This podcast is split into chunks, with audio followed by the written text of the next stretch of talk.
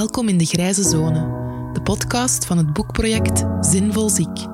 Ik ben Lin, ik ben een jonge dertiger, ik ben een mama, ik ben chronisch ziek, ik ben ongelooflijk nieuwsgierig en daarom ben ik op zoek naar manieren om ziek en zinvol weer dichter bij elkaar te brengen. Ik ben op zoek naar het speelveld tussen zwart, zielig ziek in een hoekje en wit, zo gezegd ongelooflijk zinvol tegen 200 per uur meehollen in de redrace. Ik zoek de grijze zone. En om alle vragen die ik heb te beantwoorden, ga ik in dialoog met heel uiteenlopende stemmen uit ons sociaal weefsel. Wie precies? Daarvoor moet je hier maar regelmatig eens komen luisteren. Dat ga ik nog niet verklappen. Heel veel luisterplezier. Vandaag mag ik minister Magie de Blok uitnodigen in de Grijze Zone. Welkom. Uh, voor mij is het heel bijzonder om met u in dialoog te mogen gaan voor mijn boekproject Zinvol Ziek. Ik hoop vooral eigenlijk een beter begrip te krijgen van het beleid rond langdurige ziekte. En uh, ja, vooraleer we in de vragen duiken, neem ik jou nog graag mee in een klein experiment. Wat zijn de eerste drie woorden die in u opkomen bij het begrip ziek?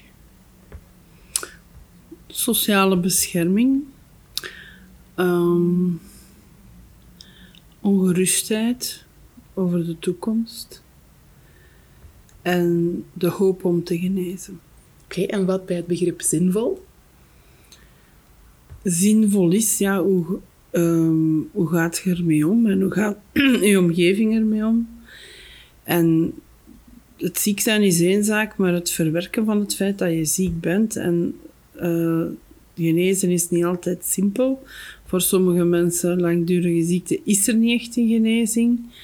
Eh, dan, ja, dan, ze gaan er niet aan sterven, maar ze gaan er ook niet ziektevrij geraken. Dus dat is allemaal ook een verwerkingsproces. Eh, ja, en vooral als je in je hoofd, denk ik. En als je die samen in één adem zegt, zinvol ziek, aan wat denk je dan? Ik denk dat is, dat is ondanks je ziekte dat je nog je leven zinvol wilt maken. Hm. Dat is... Uh, als je ziet, sommige mensen met, met zeer beperkte gezondheid, die toch een zeer zinvol leven maken, hm. echt om te zeggen, ik ga de ziekte mijn leven niet laten... Uh, ja, dus ik ga de ziekte mijn leven niet laten overnemen. Ik ga mijn plan die ik had... Hm. Uh, en misschien die realiseren zich meer de zin van het leven en van hm. gezond zijn en ziek zijn. Ja. Oké. Okay. Um, ik zou graag beginnen met een persoonlijke vraag. Heeft u langdurige ziekte al van heel dichtbij ervaren? Ja, meerdere keren. Meerdere keren. En hoe was dat om dat uh, ah, mee te maken? Ik denk uh, dat ik wel goed geplaatst was om daar uh, de nodige begeleiding van te, aan te geven. En uh, ja, heel veel praten hoort daarbij. Hm. En voor veel zieken is onbegrip um, zowat de pijnlijkste bijwerking. Hoe denkt u dat wij dat als samenleving kunnen aanpakken? Maar ik denk uh, dat er twee zaken zijn. Uh, het wordt... Allee, onbegrip wordt ervaren als de mensen trachten niet over uw ziekte elke keer te beginnen praten, want je bent meer dan je ziekte. Dus ja, mensen reageren op twee manieren. Ze zeggen ten eerste zeggen ze er wel iets over, maar dan weten ze niet of dat ze daar niet gaan in kwetsen. Want, mm. allee, dus dat is een, een zekere schroom om met, met iemand ziek te praten. Anderzijds, um, ja, als ze daar dan over zwijgen, dan is het precies dat er onbegrip is voor de ziekte. Mhm. Dus dat is zeer moeilijk en de meeste mensen gaan dat uit de weg. De meeste mensen zeggen, oh, ik weet niet wat ik moet doen, ik ga er maar niks van zeggen. Dus ja, dat maakt natuurlijk dat het langs de twee kanten moeilijk is. Uh, en waardoor, als er zo'n paar uh, dan echt... Ik denk dat je altijd dat je het beter... Uh, enfin, zeker als je iemand de eerste keer ziet, dat je er toch iets over zegt omwille van het feit dat het niet zou zijn alsof dat je het niet ziet. Mm, klopt. En, en zelf iemand nog maar in een rolstoel, die mensen die zeggen, er loopt iemand achter mij om mij te helpen en ze babbelen met die over mijn hoofd. Mm. Ja. Dus dat moet je dan ook weten. En dan is het eerste dat je moet doen, is u tot de patiënt zelf richten en pas nadien tegen diegene die erbij is. Nee, dat is waar. En dat is de erkenning dan gewoon. Maar dat is zeer, zeer frustrerend dat jij daar gewoon, ja, omwille van een of ander nogal laag zit en dat ze over je hoofd beginnen babbelen alsof dat jij er niet zit. Nee, nee, klopt. Maar natuurlijk, veel ziekten zijn onzichtbaar hè, in deze tijd, dus dat maakt het Ja, maar dat is dan ook, eh, eh, als het onzichtbaar is, dan kun je het niet altijd weten. Hm. Eh, en dan, zeggen ze, dan heb ik daar begrip voor dat die, zeggen, die mensen zeggen: het is alsof dat wij niet ziek zijn, maar we zijn wel ziek, maar het is onzichtbaar ziek. En langs de andere kant mensen die dan zeer, zeer ehm, eh, duidelijke eh, ziekte hebben. Denk maar aan huidziekte, denk maar aan ontbrekende ledematen. Die zouden het dan liever verbergen. Hmm, dus klopt. Ja, ja, het is altijd... het is ja. de twee eh, gewoon. Hè? Dus, eh, Oké. En hoe zou u het huidige beleid rond langdurige ziekte omschrijven? ja, we hebben een hele verandering willen teweegbrengen en ook aan, aan begonnen. Eh, ons uitgangspunt was, men spreekt altijd van eh, wat mensen niet meer kunnen doen door hun ziekte. Wij zien liever naar wat mensen wel kunnen doen. En eh, de, ja, de digitale wereld helpt ons daarbij, want als het gaat om een fysieke handicap, een fysieke aandoening, dan weten wij nu dat die mensen wel zeer goed zijn met computers, dat die zich goed kunnen behelpen daarmee. Het is een andere wereld dan over 50 jaar. eh, maar toch was onze wetgeving nog altijd gewaard ziek. Zoveel percentage arbeidsongeschikt, dat is één, één discussie. Eh, want ze, ze schrijven nu gewoon af. Klopt, ja. En, en dus dan zeggen wij, zie naar wat de mensen nog wel kunnen. En tracht dan door een traject terug naar inderdaad werk. Dat het toch een stuk is van uw eh, eigen waarde. En ook de waarde in de maatschappij, collega's, eh, familie. eh, daar wordt daarover gepraat. En dus... ja, een stuk van je eigen waarde is dat je dus inderdaad je leven nog zinvol kunt maken door een stuk ook nog te werken. Werk meer op maat natuurlijk en eh, met alle zoektochten die daarbij te pas komen. En eh, dus ja, ziek zijn is bij ons altijd zo van, je nu bent je ziek en je kunt niet meer werken. Nee, je moet aan de zieke vragen, wat denk je dat je nog zou kunnen doen als je je huidig werk niet meer kunt doen? Eerst zijn we dan, is er het traject bij mijn collega minister van Werk ontwikkeld van hoe kan een reïntegratie binnen de- hetzelfde werk gebeuren? Daar moet de werkgever mee akkoord zijn, de arbeidsgeneesheer eh, en, en de patiënt zelf moet het zien zitten. Als dat niet mogelijk is, dan eh, wordt er naar ziekte en invaliditeit gegaan. En dan wordt daar terug een traject bij de ziekenfondsen ontwikkeld om dan inderdaad buiten uw eigen werkomgeving te gaan. ja.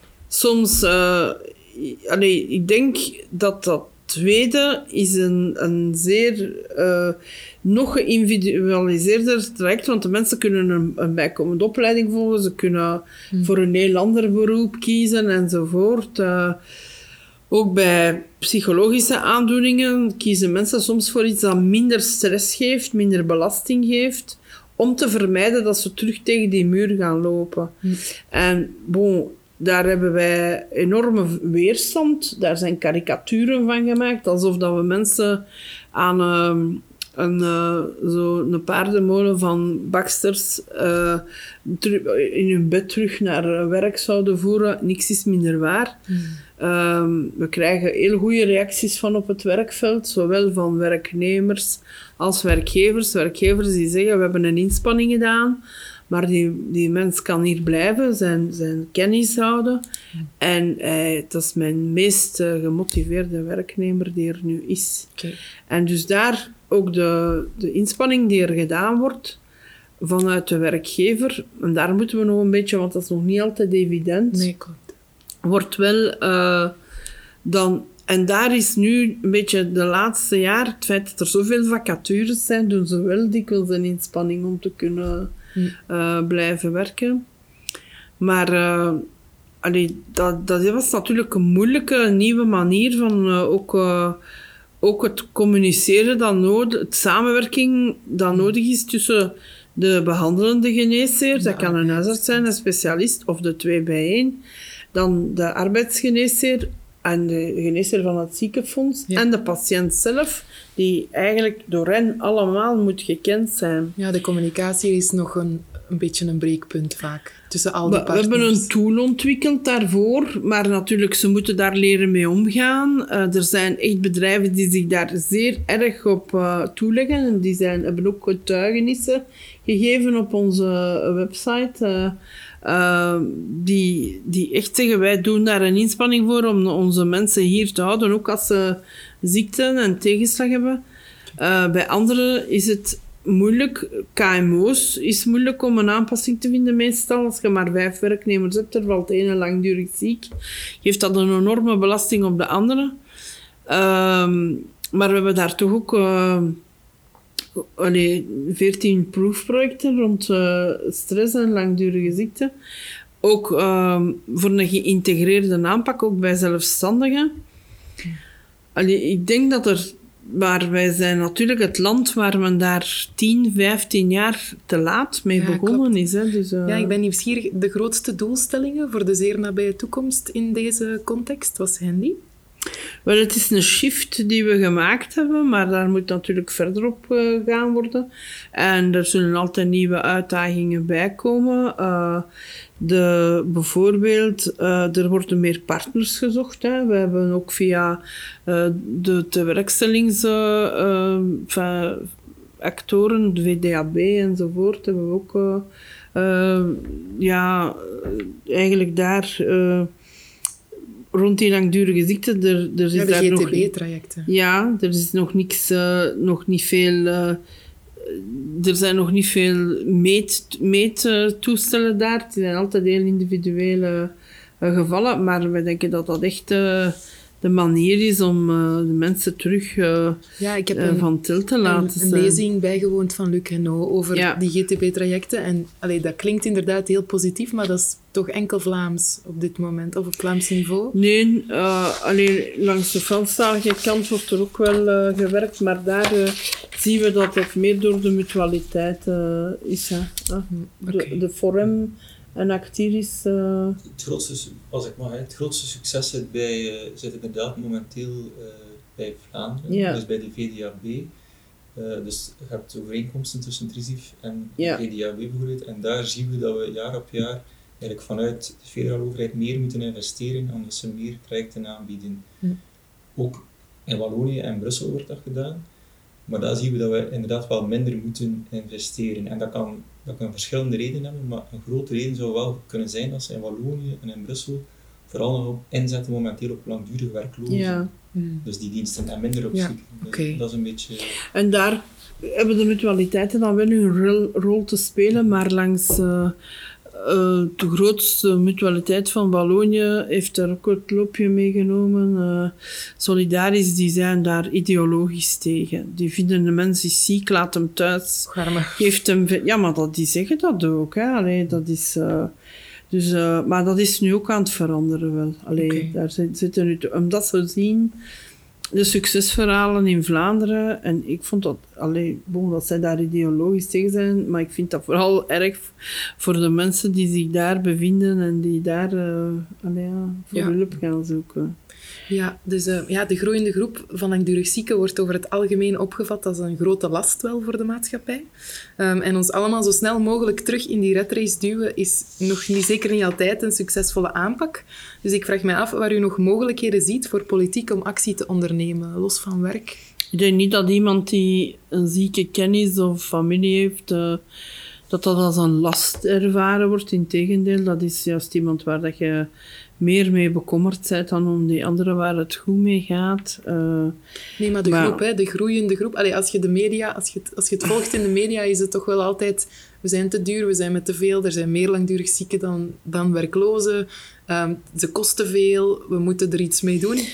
Uh, er zijn verschillende factoren waarom dat die groep uh, heel groeit. Dat is ten eerste de vergrijzing. We zien dat toch vooral bij de vrouwen vanaf 50 jaar daar die vroeger veel kortere carrières hadden, 55 plus, haken ze zo'n beetje meer af en gaan dan gemakkelijk op langdurige ziekte. Ten tweede, ja, er zijn vroegere acute en dodelijke ziekten die nu wel geneesbaar zijn of onder controle zijn en die langdurig ziek zijn.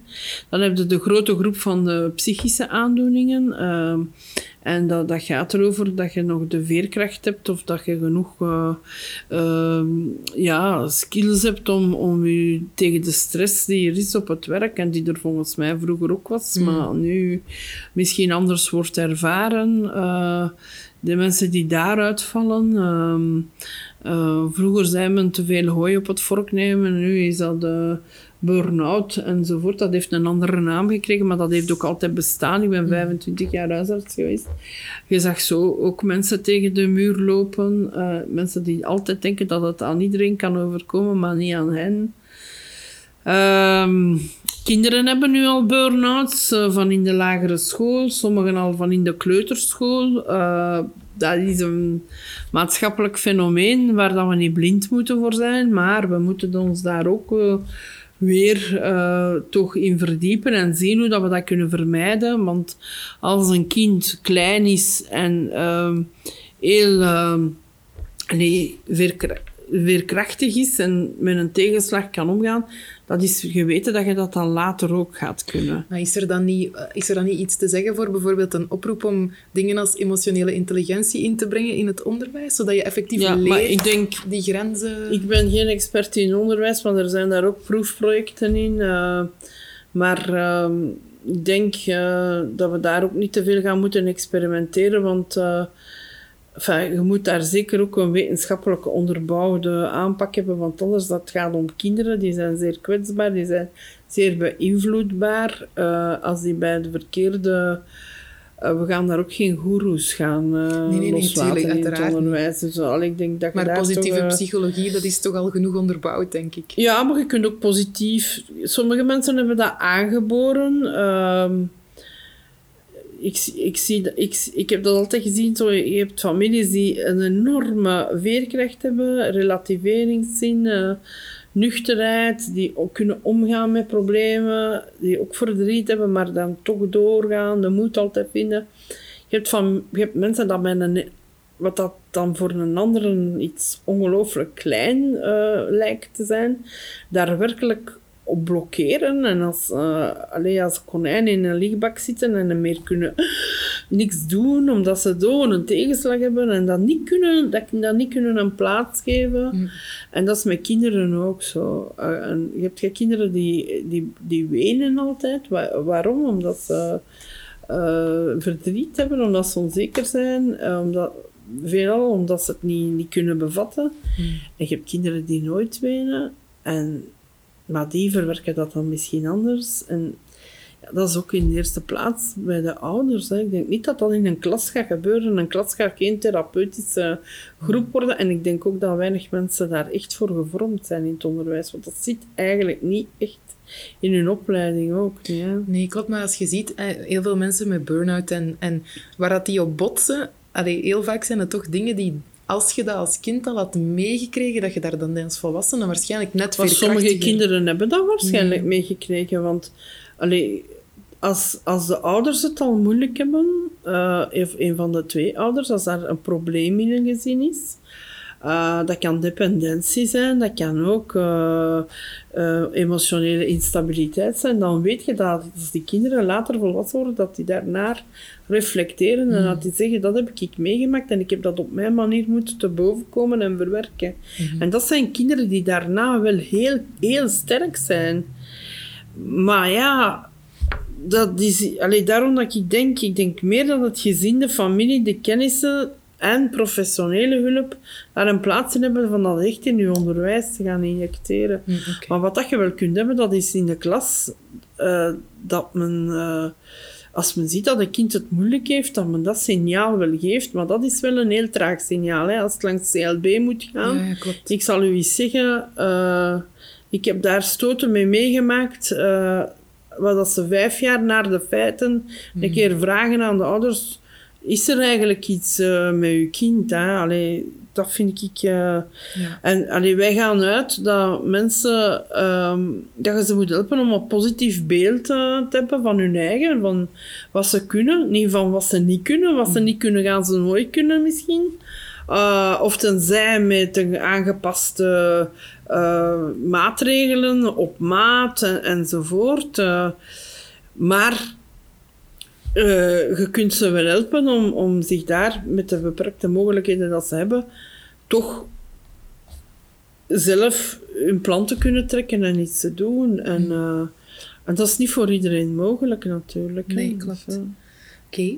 Ja, vanuit mijn positie als chronisch pijnpatiënt um, voelt het alsof er toch een beetje een gat zit in het werkbaar werkdebat. De aandacht gaat, of lijkt bijna uitsluitend te gaan naar mensen die nog um, volledig in staat zijn om te herstellen. En mensen voor wie het rustiger aandoen dat dat tijdelijk is en dat dat een soort brug is tussen uitvallen en terug 200% knallen. Maar wat met dus die groeiende groep mensen die eigenlijk nooit nog zonder mankementen leven?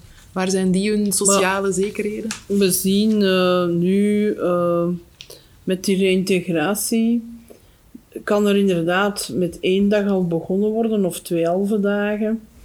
Uh, dat, ja, dat de meeste mensen er niet in slagen om volledig helemaal terug de, de 100% te werken. Hm.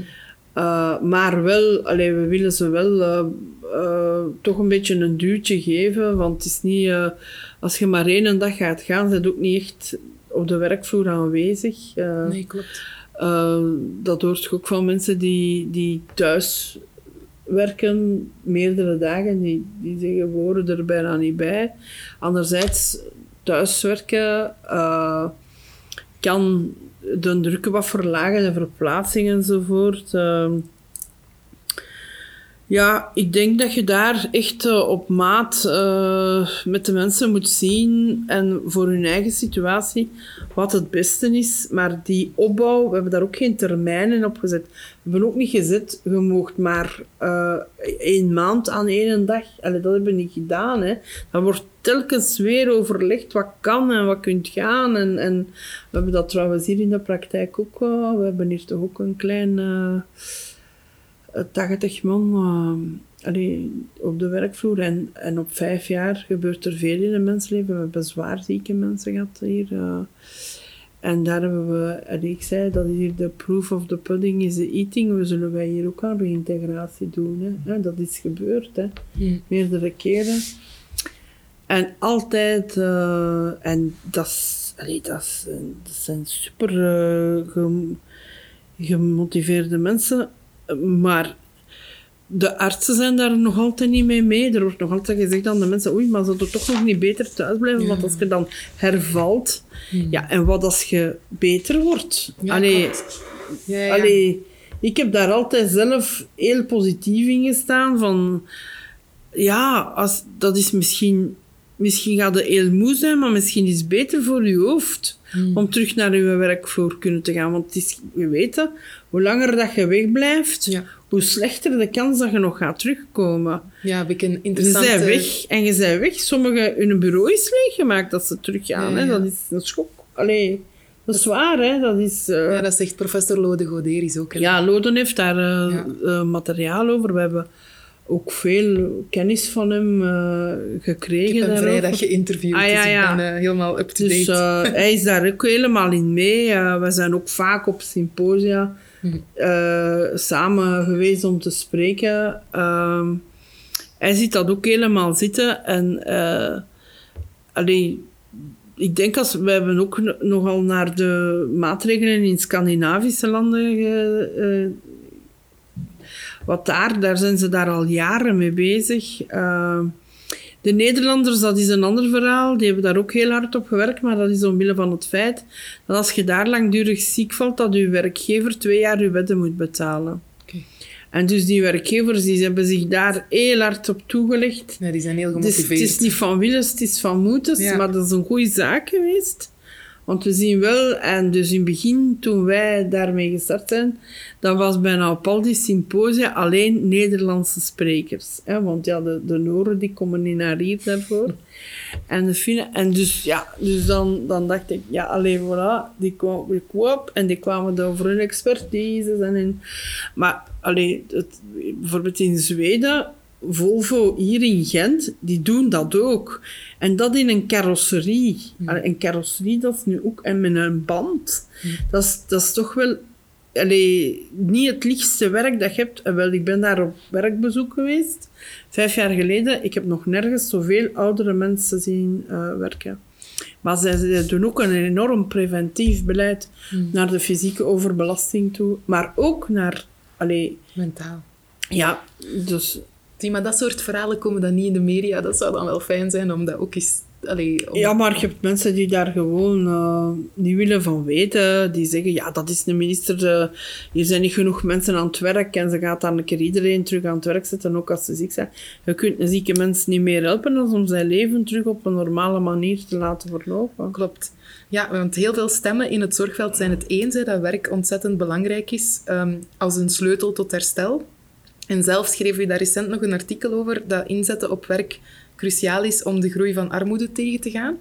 Um, wat zijn volgens u op dit moment de grootste drempels voor langdurig zieken om de weg naar werk te vinden? Wel, ik heb het al gezegd, soms zegt de, dokter, de behandelende dokter of de dokter van uh, de arbeidsgeneesheer nog te vaak, oei, maar dat zal nog niet gaan. Uh, je zult toch nog wat beter moeten zijn voordat je het werk kunt hervatten. Dat is voor de mensen natuurlijk een, een klap rond hun hoofd, hè, want zij vragen daarnaar en dan wordt er gezegd, ja, maar dat is niet voor u. En ten tweede, ja, dan dat aanpassen van dat werk, dat is ook wel iets dat niet zo gemakkelijk is. Uh, daar moet ook uw hoofd echt over breken. Uh, hoe gaan we de aanpassingen kunnen doen? Uh, natuurlijk, Allee, je moet daar ook begrip voor hebben dat uh, uw aangepast werk, dat moet ook overlegd zijn met de collega's. Want anders is dat precies van zin een keer, allee, op, zij krijgt aangepast werk en ik heb het ook moeilijk en ik kan het hier maar blijven doen. Dus dat moet, dat moet ook een beetje een sensibilisering op de werkvloer voor zijn.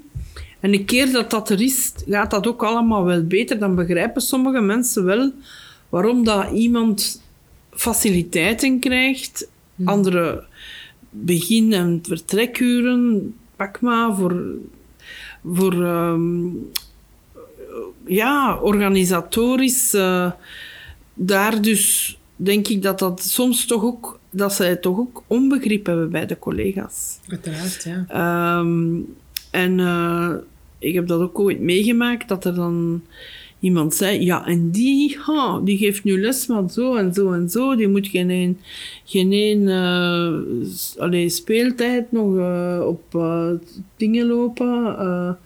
Ik zeg, ah, ik zeg uh, moet je daar nijdig op zijn? Ik zou liever gezond zijn. Hè? Allee, ik bedoel, dat mens had echt, echt enorm... Uh, die had een hersentumor gehad, die was geopereerd, bestraald, chemo, een lijdensweg van je wensen. En dan gaat het terug lesgeven, doof aan één oor, wat dat maakte dat haar andere oor...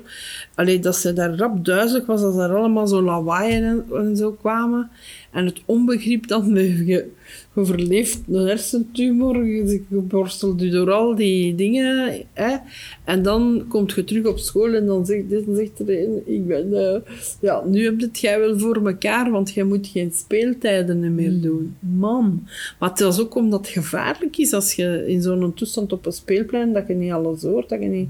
En, en als je dan zelf daar al half duizelig loopt, ja, dan gaat dat toch niet, hè? Nee, klopt. En dus, allee, dan dacht ik in mijn eigen, allee, ik zeg, zo, ja ja, zo'n verhalen die, die zijn helaas wel scheringen. Maar dat is ook zo, hè? Ja, ja, ja. Dus, uh, maar bon, ik heb ze nu recent gezien en ze is gepensioneerd nu. En uh, dus die heeft haar carrière kunnen afmaken in het onderwijs, maar die heeft dat wel daarvan 18 jaar met een heel veel slechtere functie allee, hmm. toch kunnen blijven werken. Ja, dat is mooi. Maar die heeft daar moeten voor via de vakbond procederen, hè, want eigenlijk was er al vervanging.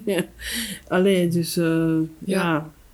direct op medisch pensioen wou. Ja, ja, ze willen die op medisch pensioen en ze heeft dat geweigerd. Hmm. Ik had daar dat ook gezegd, ik heb daar, daar ook in gesteund. Weigert dat. Want um, dat was een heel goede lerares. En uh, ja, die vroeg aan de klas, die legde dat altijd uit bij het begin van het schooljaar. En die zei, hier wordt niet geroepen, maar er zal altijd naar u geluisterd worden enzovoort. En dus die klas, die, die kinderen, die wisten allemaal dat ze daarbij gezeten hadden, dat ze zo hmm. daar zoveel aan gehad hadden. Wel ja, een van mijn vragen sluit daar eigenlijk op aan, want um, ik ik vroeg me af, heel veel mensen die nu met al hun kennis en ervaring vastzitten in invaliditeit, of er geen mogelijkheid is om die inderdaad, ja, al is het Ze kunnen dat zelf aanvragen, hè. zelf als, uh, maar in het onderwijs, hè, bijvoorbeeld? Ja, wel, het onderwijs is een, uh, een overheid die wat dat betreft, wij vinden dat dat ook moet kunnen binnen de overheid. En we hebben daar ook uh, zelf projecten opgestart voor de zorgsector en de administraties. Er is ook een, een, een heel groot project van, gemaakt door iemand van onze administratie. Die, die heeft daarmee een prijs gewonnen, hè, die, dus voor die reïntegratie. Um, maar Aurélie heeft die nog een keer bloemen, ik heb die een keer bloemen op het podium gegeven. Maar um, dat is zeker een taak voor de administraties. Dit is voor de federale administraties Natuurlijk, voor de Vlaamse en de Waalse administraties uh, wordt dat veel minder gedaan. En zeker in het onderwijs. Er is zo'n uitval. Ik zie gewoon niet in waarom dat, dat daar niet zou kunnen. Ja, want dat lijkt mij, allez, zeker ook naar inclusief onderwijs toe, dat lijkt me heel verfrissend dat er ook leerkrachten zijn met beperkingen en begrenzingen en die, geen voltijd, die niet voltijds kunnen knallen, maar, maar die de uren die ze kunnen lesgeven, dat inderdaad, zoals je zelf al aanhaalt, dan met, met heel veel gedrevenheid doen, omdat dat, dat is waar ze zingeving uithalen natuurlijk en dat ze kunnen blijven doen. Want daar sluit de volgende vraag wel op aan. Veel mensen op invaliditeit voelen zich afgeschreven en die voelen zich aan de kant gezet. En die krijgen ook het gevoel dat ze niet meer kunnen of zelfs niet meer mogen meedraaien. En um, ja, dat schiet dan door in een overtuiging dat het ook gewoon geen zin meer heeft om nog iets te ondernemen. Dus daarom vroeg ik mij af, Um, hoe u dat ziet, um, hoe wij kunnen inzetten op zingevend werk. Werk dat echt... Allee, want je hoort heel vaak mensen zeggen van ik zit in een bullshit job, hè, dat zo, en die zich niet nuttig voelen. Um, en waardoor dat er allee, nog meer dan absenteïsme is eigenlijk heel... ja, presentisme, dat ze wel op een job zitten, maar niet zoveel doen. Uh, omdat ze niet meer gemotiveerd zijn. Dus is er een mogelijkheid om echt op zingeving in te zetten? Ik denk als... Uh goed begeleid worden en als ze daar een, iemand um, zien die dat ook heeft gedaan, of allee, ik zal niet zeggen ervaringsdeskundigen, maar toch uh, mensen die daar ook deel, gaan zijn. Er is zoveel dat je kunt doen. Um, voor sommige mensen is die job inderdaad niet meer, uh, kunnen zich niet meer opladen om, uh, dat is meestal uh, in commerciële jobs en zo echt uh, stressvolle jobs. Maar die kunnen dan ofwel naar een andere, daarom dat ik ook zeg dat die dan soms meer iets administratief gaan doen, maar waar dat in een druk wegvalt. Mm. Um, je hebt vrijwilligerswerk dat je kunt gaan doen, waar dat je heel waardevol kunt voelen. ja, je kunt totaal een andere opleiding gaan doen. En um, je weg terugzoeken, zoals dat je je weg zoekt. Hmm. Als je 18 jaar bent in feite, maar dan wetende beter wat dat je wilt en niet wilt en kunt en niet kunt. Hmm. En ik denk dat je dat volledig zelf moet. Uh, niemand kan voelen wat dat jij voelt. Niet iedereen ziet wat dat jij voelt. Dus ja, dan moet je dat ook wel zelf ook uh, met hulp uh, een beetje je puzzel terugmaken. Hmm. Maar ja, in werkbaar werk hadden we een ander uitgangspunt. Hè. Dat was, uh, dat was al, oh, ik vond dat heel fluffy ook. Uh, Hoe bedoelt u? ja, daar werd daar allemaal niet zo op ingegaan. Hè. Dus dat was gewoon een afwezig luik. mijn werk was me daar niet mee bezig. Met, de, met het, met het werkbare werk, ja. ja, ah, daar, nee. Het was meer mensen aan het werk, maar niet meer mensen vinden dat ze goed meedraaien op het werk. Hmm. Dat was niet, hè? Nee, ja. ja. dat is wel jammer. Dat is... Ja, hmm. dat was met een ander uitgangspunt gemaakt, zeker. Hè? Ja. Maar u heeft het al aangehaald, hè, ervaringsdeskundigheid. Ik ben wel benieuwd, hoe kijkt u daarnaar en naar het opleiden van patient experts? Ja, ik denk dat die kunnen bijdragen, maar ook niet dat we daar alles soelaas moeten van uh, hebben, maar dat dat zeker uh, voor sommige mensen een goed voorbeeld kan zijn. Uh, um, en, en dat ze zich daar kunnen aan optrekken. Um, anderzijds denk ik dat deskundige hulp daarin, dat die meer alleen beter kunnen dan de richting aangeven. Want ik heb het al gezegd, als je, als je denkt, ik ga dat kunnen, en dan blijkt dat je dat niet kunt of niet moogt, dan, is daar, dan zakt het nog veel dieper terug. Dus dat moeten we vermijden. Um, ja, er zijn, er zijn meer en meer verhalen van mensen die, die een verhaal vertellen, maar dan moeten ze het zelf willen doen. Maar natuurlijk, dat, allez, ik heb zelf zo'n opleiding gevolgd, mm. patiënt-expert reuma. En um, ja, daar word je eigenlijk vooral echt klaargestoomd om in dialoog te gaan hè, met pharma, met onderzoekers, met beleidsmakers, met, om, je, allez, om je eigen verhaal te overstijgen eigenlijk en om, om ook um, ja, voor lotgenoten uiteraard een soort spreekbuis te zijn of, of een klankbord. Als iemand pas een diagnose krijgt, dat ze bij u terecht kunnen inderdaad om te gaan luisteren van wat staat mij allemaal te wachten, wat is de impact van de diagnose. Wat, wat, dus dat heeft, het lijkt mij wel een hele waardevolle Maar dat is de manier waarop dat ze werken, ook in uh, borstkankercentra, maar ook bij stoma-patiënten, bij blinde mensen. Uh, dus dat is een manier van werken die wel... Uh, uh, zeer persoonlijk is en, mm. en, die wel goed is. Alleen denk ik dat, dat je daar op de werkvloer weinig uh, begrip... Uh, je wilt niet dat uw collega is uw collega, dat is niet een biechtvader of biechtmoeder die alles voor u kan oplossen, ook niet. En sommige mensen willen daar toch wat afstand mm. in houden ook, zo van, ik weet waar ik met welke problemen ik uh, ben. Maar dat moet niet heel mijn, uh, heel mijn uh, werksfeer weten enzovoort. Mm. Hè. Dus ik denk dat dat, dat dat een goede manier van werken is. maar je moet daar al voor openstaan. En ja, wil je daar... Is dat dan Allee, eerlijk gezegd, in discussie met de pharma en de dit, dat vind ik dan voor de happy few, dat is een brug te ver voor de meeste mensen al, om dat te kunnen doen. Je botst daar toch op een juridische muur. Uh, is, dat is, lijkt me een beetje een Don Quixote werk uh, te worden. Wilt je dat doen? Dat zullen een paar zijn, maar de grote massa gaat daar echt uh, mm. zeggen, vandaar ga ik nu de, de, de kwaliteit die ik nog heb in mijn leven daardoor niet laten aantasten. Ah, nee, maar ik denk dat dat vooral positief bedoeld is. Hè? Dat bijvoorbeeld die, dat ze een project willen uitrollen en dat ze ervaringsdeskundigen inzetten om te gaan kijken van, heeft dat zin, dat project? Gaan, gaan jullie daar iets aan hebben, ja of nee? Eerder zo echt de stem van de patiënt betrekken in een ontwikkelingsproces.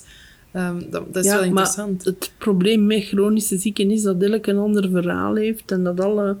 Allee, zelf, als je nu pakt... Uh, ja, als je nu zegt, mensen met reuma... Goh, dat is een verschil. Je hebt mensen dat hun nek niet meer kunnen bewegen. Hè? Dat, dat, dat, dat zo klein blijven, dat niet ontwikkelen. Dat, allee, dat is zo een wereld van verschil. dan denk ik, ja, hoe kan u voor u iemand een traject ontwikkelen als ze niet weten wat, wat uw beperkingen zijn, wat, wat uw problemen zijn. Dus dat is zeer moeilijk om dat voor een ander te doen. Nee, maar, dat, maar, maar ja, dat, dat was ook mijn volgende vraag. Van, hoe, dat, is, dat, is, dat is ook wat ik me afvraag bij beleidsvoering natuurlijk. Hè. Hoe kunnen dat soort dingen... Wij, ah, wordt, wij moeten een kader ontwikkelen, zoals dat, reïntegratie, een kader ontwikkelen, zonder daar termijnen op te zetten van hoeveel keer dat, dat kan verlengd worden enzovoort. Dat kader, binnen dat kader zorgen wij dat dat zich kan ontwikkelen. Maar die expertise, die moet zich op het terrein ontwikkelen. En dat zijn ook mensen... Dat is ook... De, de academische wereld heeft dat wel opgepakt. Hè? Uh, Lode Goderis, maar ook nog anderen pakken dat wel op. Uh, sommige uh, beroepsfederaties pakken dat ook op. Zoals... ja? Ja, wel, maar ik denk ook... Dus, dat we ook al met de patiëntenvereniging, ik denk dat je daar een beetje op alludeert op uw vraag, bijvoorbeeld uh, met Vlaams patiëntenplatform en zo, uh, gaan wij natuurlijk ook in overleg. Hè. Ja, ja. Zowel in het kader van volksgezondheid, maar bijvoorbeeld in het kader van de En die hebben ook bevragingen gedaan die we ook gebruikt hebben. Ja, in het kader van de reïntegratietraject bijvoorbeeld hebben we een website gedaan rond sensibilisering, rond weer aan de slag. En dat doen we dan natuurlijk in overleg met, met patiëntenorganisaties. Maar zoals dat de minister zegt, is het, je hebt uh, lot, lot, uh, lotgroepen van, van patiënten. Je hebt dan de overkoepelende organisaties. En het is vaak natuurlijk met die overkoepelende organisaties dat we, zoals uh, aan Waalse zeiden, is dat LUS, uh, oh ja, een Vlaams Ja. Dus die worden wel vaak... Die worden wel geraadpleegd. Ah ja, absoluut. Ja, ja, En dat, dat kan... Meestal is dat wel informeel, omdat zij niet in alle organen... Uh, daar zitten de ziekenfondsen in, die ook de patiënten vertegenwoordigen. Mm zitten in al de, al We hebben ziekenfondsen dat daar zeer actief op zijn, zoals de onafhankelijke ziekenfondsen. Die zijn, hmm. die zijn het meest vooruitstrevend daarin, zowel langs Vlaamse als langs Waalse kant. Uh, dan heb je ziekenfondsen die er ideologisch tegen zijn, dat is de Sokmut. En dan heb je de andere die er allemaal, of het begint wel te groeien, maar, uh, maar de patiëntenorganisaties die waren van in het begin wel mee. Hè. Okay. Uh, dus uh, alhoewel dat zij ook heel veel vragen en ongerustheid hadden. En daarom hebben we ze er ook echt bij betrokken. Uh, want eerst niet. Eerst, was dat, eerst was het al verkeerd verstaan. De eerste Belga viel bijna van uw stoel. Gingen ze mee het discours van alleen nu gaan ze zieke mensen aan het werk zetten. Ja, ik volg het op de voeten. Dus alleen, dus dat was... maar dat hebben we... Allee, dan hebben we uitleg gegeven waar, waar we mee bezig waren en dan is dat stilgevallen. Ik vond eigenlijk... Uh, er was al een afspraak gemaakt op dat moment dat ze allee, dat een beetje, maar bon, allee, iedereen kan een schot voor de boek lossen. Dat ze daar ook redelijk wat kwaad mee gedaan hebben, maar mm. wat. En ik had ook nog um, een vraagje. allee, zelf combineer ik invaliditeit met deeltijds ondernemerschap. Um, en ik, ja, ik vraag me gewoon af hoe dat komt dat dat niet gestimuleerd wordt. Hè? Want veel aangepaster dan uw eigen, uw eigen onderneming kunt je werk eigenlijk niet maken. Dus ik, ik zie nooit, allez, ik hoor in geen enkel debat ooit iemand iets zeggen over ondernemers. Maar het is, het is, allez, het is soms een mogelijkheid, maar daar moeten dan toch ook een zekere andere mindset voor hebben dan als je dan werknemer geweest bent, om dan op dat moment dat je beperkt in je uh, mogelijkheden allee, dat je alleszins niet zou, kunnen doen wat je allemaal zou willen doen, om dan ondernemer te worden, dat zijn een paar mensen die, die zeer waardevol zijn. Het omgekeerde zien we ook mensen die... Uh, maar dat is een, een individuele keuze. Zeker in ondernemerschap, er is geen werkgever, je bent je eigen werkgever, je kunt inderdaad de omstandigheden waarin dat je werkt en, en, en je organiseren, dat heeft zijn voordelen, maar als we dat, dat is nog een brug verder, als we dat gaan zeggen aan de mensen, weet je wat, je kunt niet meer je werk doen, begin op je eigen. Dat is voor veel mensen werkelijk. En er is ook nog een, een, een de verworven rechten dan. Uh, als uh, zelfstandige is dat toch nog wel uh, anders. pensioenvorming, allee, daar hebben wij ons eigen verhaal van dat we naar één statuut, dat we die, die verschillen in statuten weer wegwerken. Het omgekeerde heb ik ook geweten. Ik heb uh, een vrouw gesproken die na negen jaar terug aan het werk was gegaan. Dat was op zo'n ding. Ik denk dat Lode Godere daar ook was. Die had een borstkanker gehad. Zij was een hoofdboekhoudster. Uh, en, um, en dan is ze op haar eigen gegaan. En ze is dan zelfstandig geworden. En twee jaar daarna wordt ze zo ziek. En al haar klanten zijn bij een ander moeten gaan, want ja, je kunt jij niet gaan zeggen aan de fiscus, mijn boekhouding ligt niet neer, want mijn boekhoudster is tijdelijk uh, niet beschikbaar. En uh, dan is zij, we hebben, allee, dan heeft zij dus, zij is gaan solliciteren en zij werkt nu voor een bedrijf, voltijds. Maar ze zegt dat is nog maar de helft van de uren dat ik deed op mijn eigen. Mm. Ziet je? Dus, en ook, zij is wel echt... Uh, gestraft geweest voor het feit dat zij van werknemster naar uh, zelfstandige... We hebben dan nu ondertussen ook al verbeteringen aangebracht ja. hè, voor uh, uh, arbeidsongeschiktheid, enfin, ziekte, ziekteverlet. Maar toen was zij nog de eerste drie maanden, dat zij totaal geen inkomen meer. En dus nu, na negen jaar, heeft dat mens terug de kracht gevonden om uh, aan het werk te gaan. Maar zij zei ook, had dat vroeger bestaan, dan had ik het al vroeger kunnen doen. Maar, ja. maar natuurlijk, allez, ik hoor dat in mijn omgeving, hè, veel mensen zijn vooral afgeremd omdat ze schrik hebben voor financiële afstraffingen. Dus is er, is er ruimte voor meer flexibiliteit daarin? Maar er is, er is, zoals wij het nu ontwikkeld hebben, is er, als je het, de stappen juist doet, is er geen financiële afstraffing. Maar de verhalen die, die dan soms uh, toekomen, dat is dat die mensen ook slecht uh, adviezen krijgen. Uh, onder andere eigenlijk is het ook de mutualiteit die u adviezen moet geven. ja, dat loopt helemaal Sociaal secretariaat, maar als ik soms...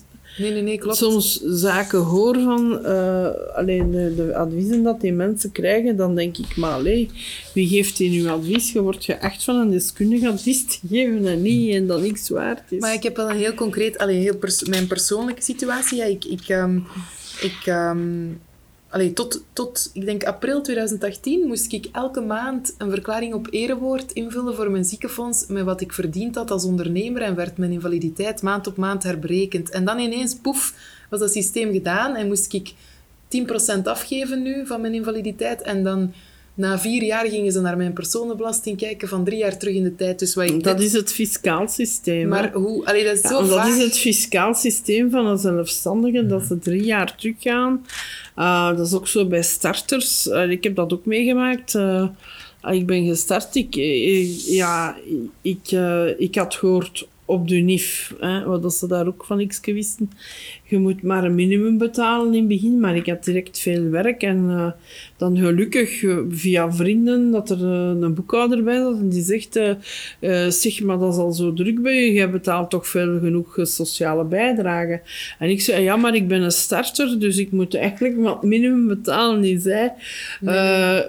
zeg, en geluk dat ik dat gedaan heb, uh, want anders dan zou ik een drof op mijn kop gekregen hebben. Uh, want dat, ook daar, dus je bouwt op en je krijgt altijd... En dan valt je dan tot als je op je maximum zit. Maar ik zat al op twee, na twee jaar op mijn maximum. En ik heb dan een keer daarna een veearts tegengekomen. Uh, die juist hetzelfde voor had. Dat, hè. Dus, uh, allee, dus dat is het, het fiscaal systeem. Hè.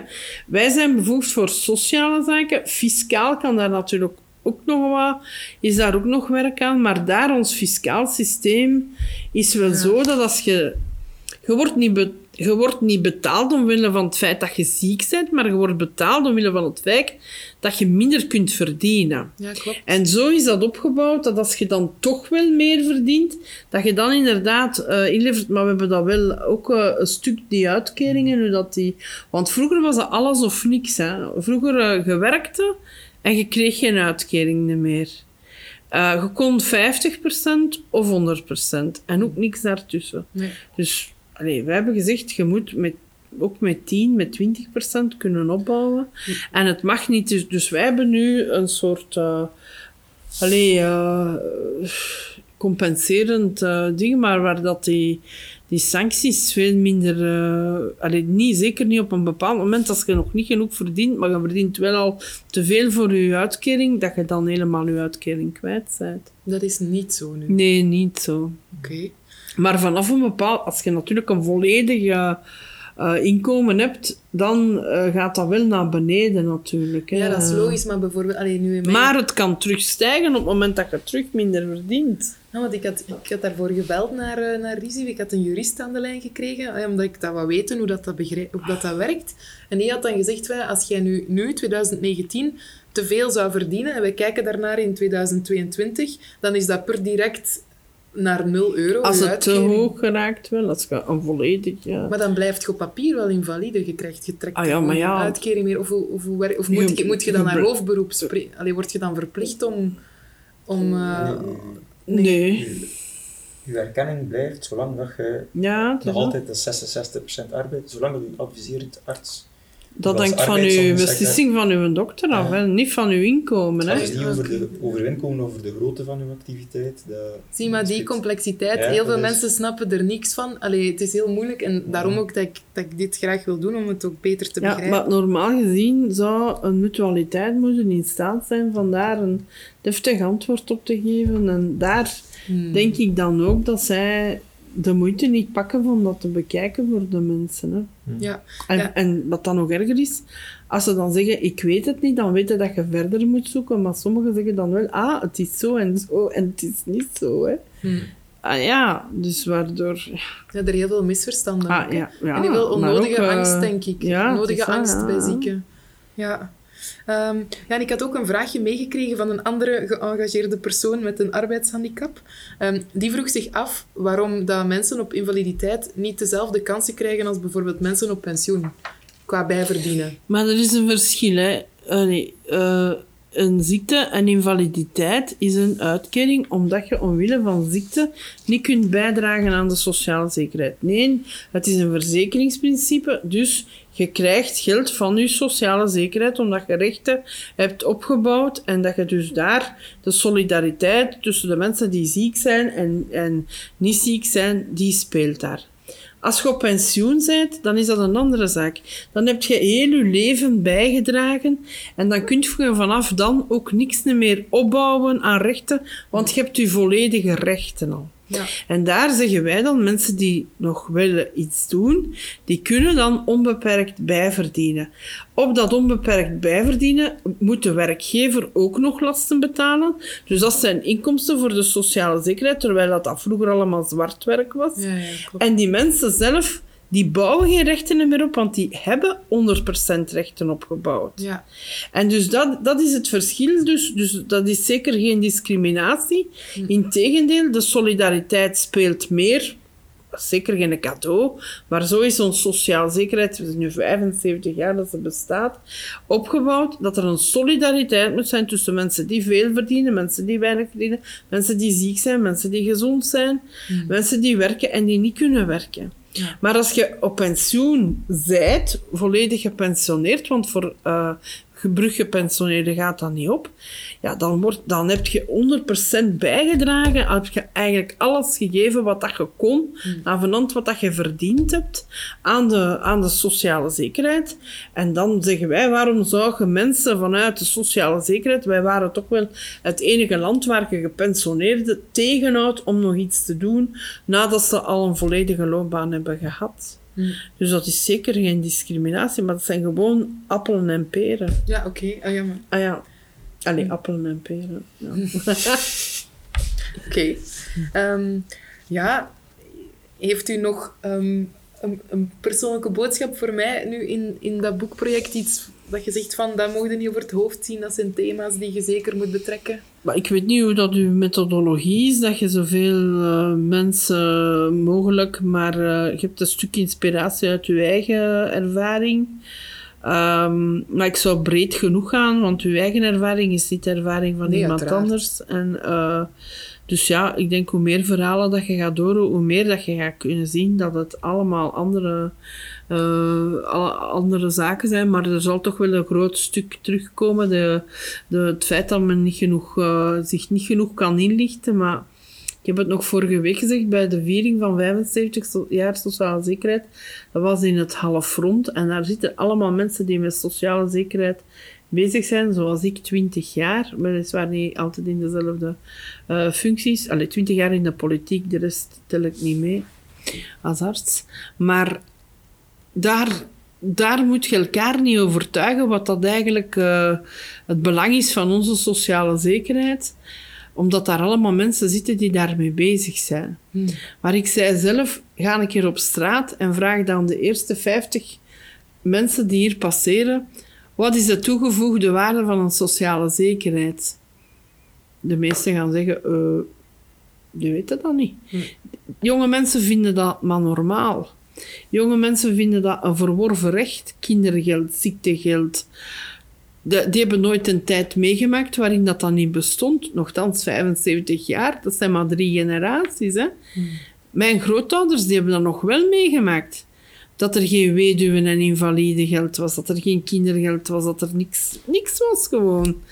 Dat er echt armenhuizen nog waren en zo. Bij ons in Torp, daar staan nog een paar huisjes. Allee, waar er vroeger waren er verschillende, vooral allee, bij mijn grootmoeder, begin van de straat, dat waren allemaal gewone huizen, maar dan was er nog zo een baantje aan naar een kapelletje en daar stonden van die armenhuizen. Dat was een deur, een venster, een deur, een venster.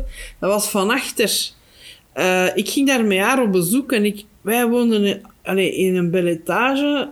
Allee, bescheiden, maar met toilet binnen. Daar was één toilet voor heel de rij huizen. Hè. Buiten. Buiten. Ah, op de koer, die gemeenschappelijk was. Een goot. Een pomp geen stromend water, laat staan elektriciteit en dan één toilet hè, voor twaalf huizen. Hè. En daar woonden families met acht en twaalf kinderen. Hè. En wat oude mensen, maar die allee, echt geen middelen hadden. Hè. Echt geen middelen. Hè. Hmm. En mijn grootmoeder die was al zo... Allee, als, die had een paar lakens witte lakens speciaal in bruin papier ingepakt. En als daar een vrouw moest bevallen daar van achter, dan kwamen daar die andere kinderen om die lakens gelopen voor op dat bed te leggen. En dan zei mijn grootmoeder, brengt ze maar gewoon terug, hè. Hmm. Ik was ze liever zelf. Ja. En dan was afkoken, dat laten wit... Allee, echt... En ik was, ik was daar veel omdat mijn moeder ging werken en ik dacht dan in mijn eigen en die kwamen dan met dat papier, met die lakens daarin terug. We waren daar nog geen plastieke zakken ook niet trekt. Allee, dus, dus, allee, maar om maar te zeggen, kun je je voorstellen dat je een kind moet hebben, dat je geen lakens hebt om op je bed te leggen, en dat je dan... En zij, zij gaf altijd dezelfde mee, omdat ze daar eigenlijk een beetje...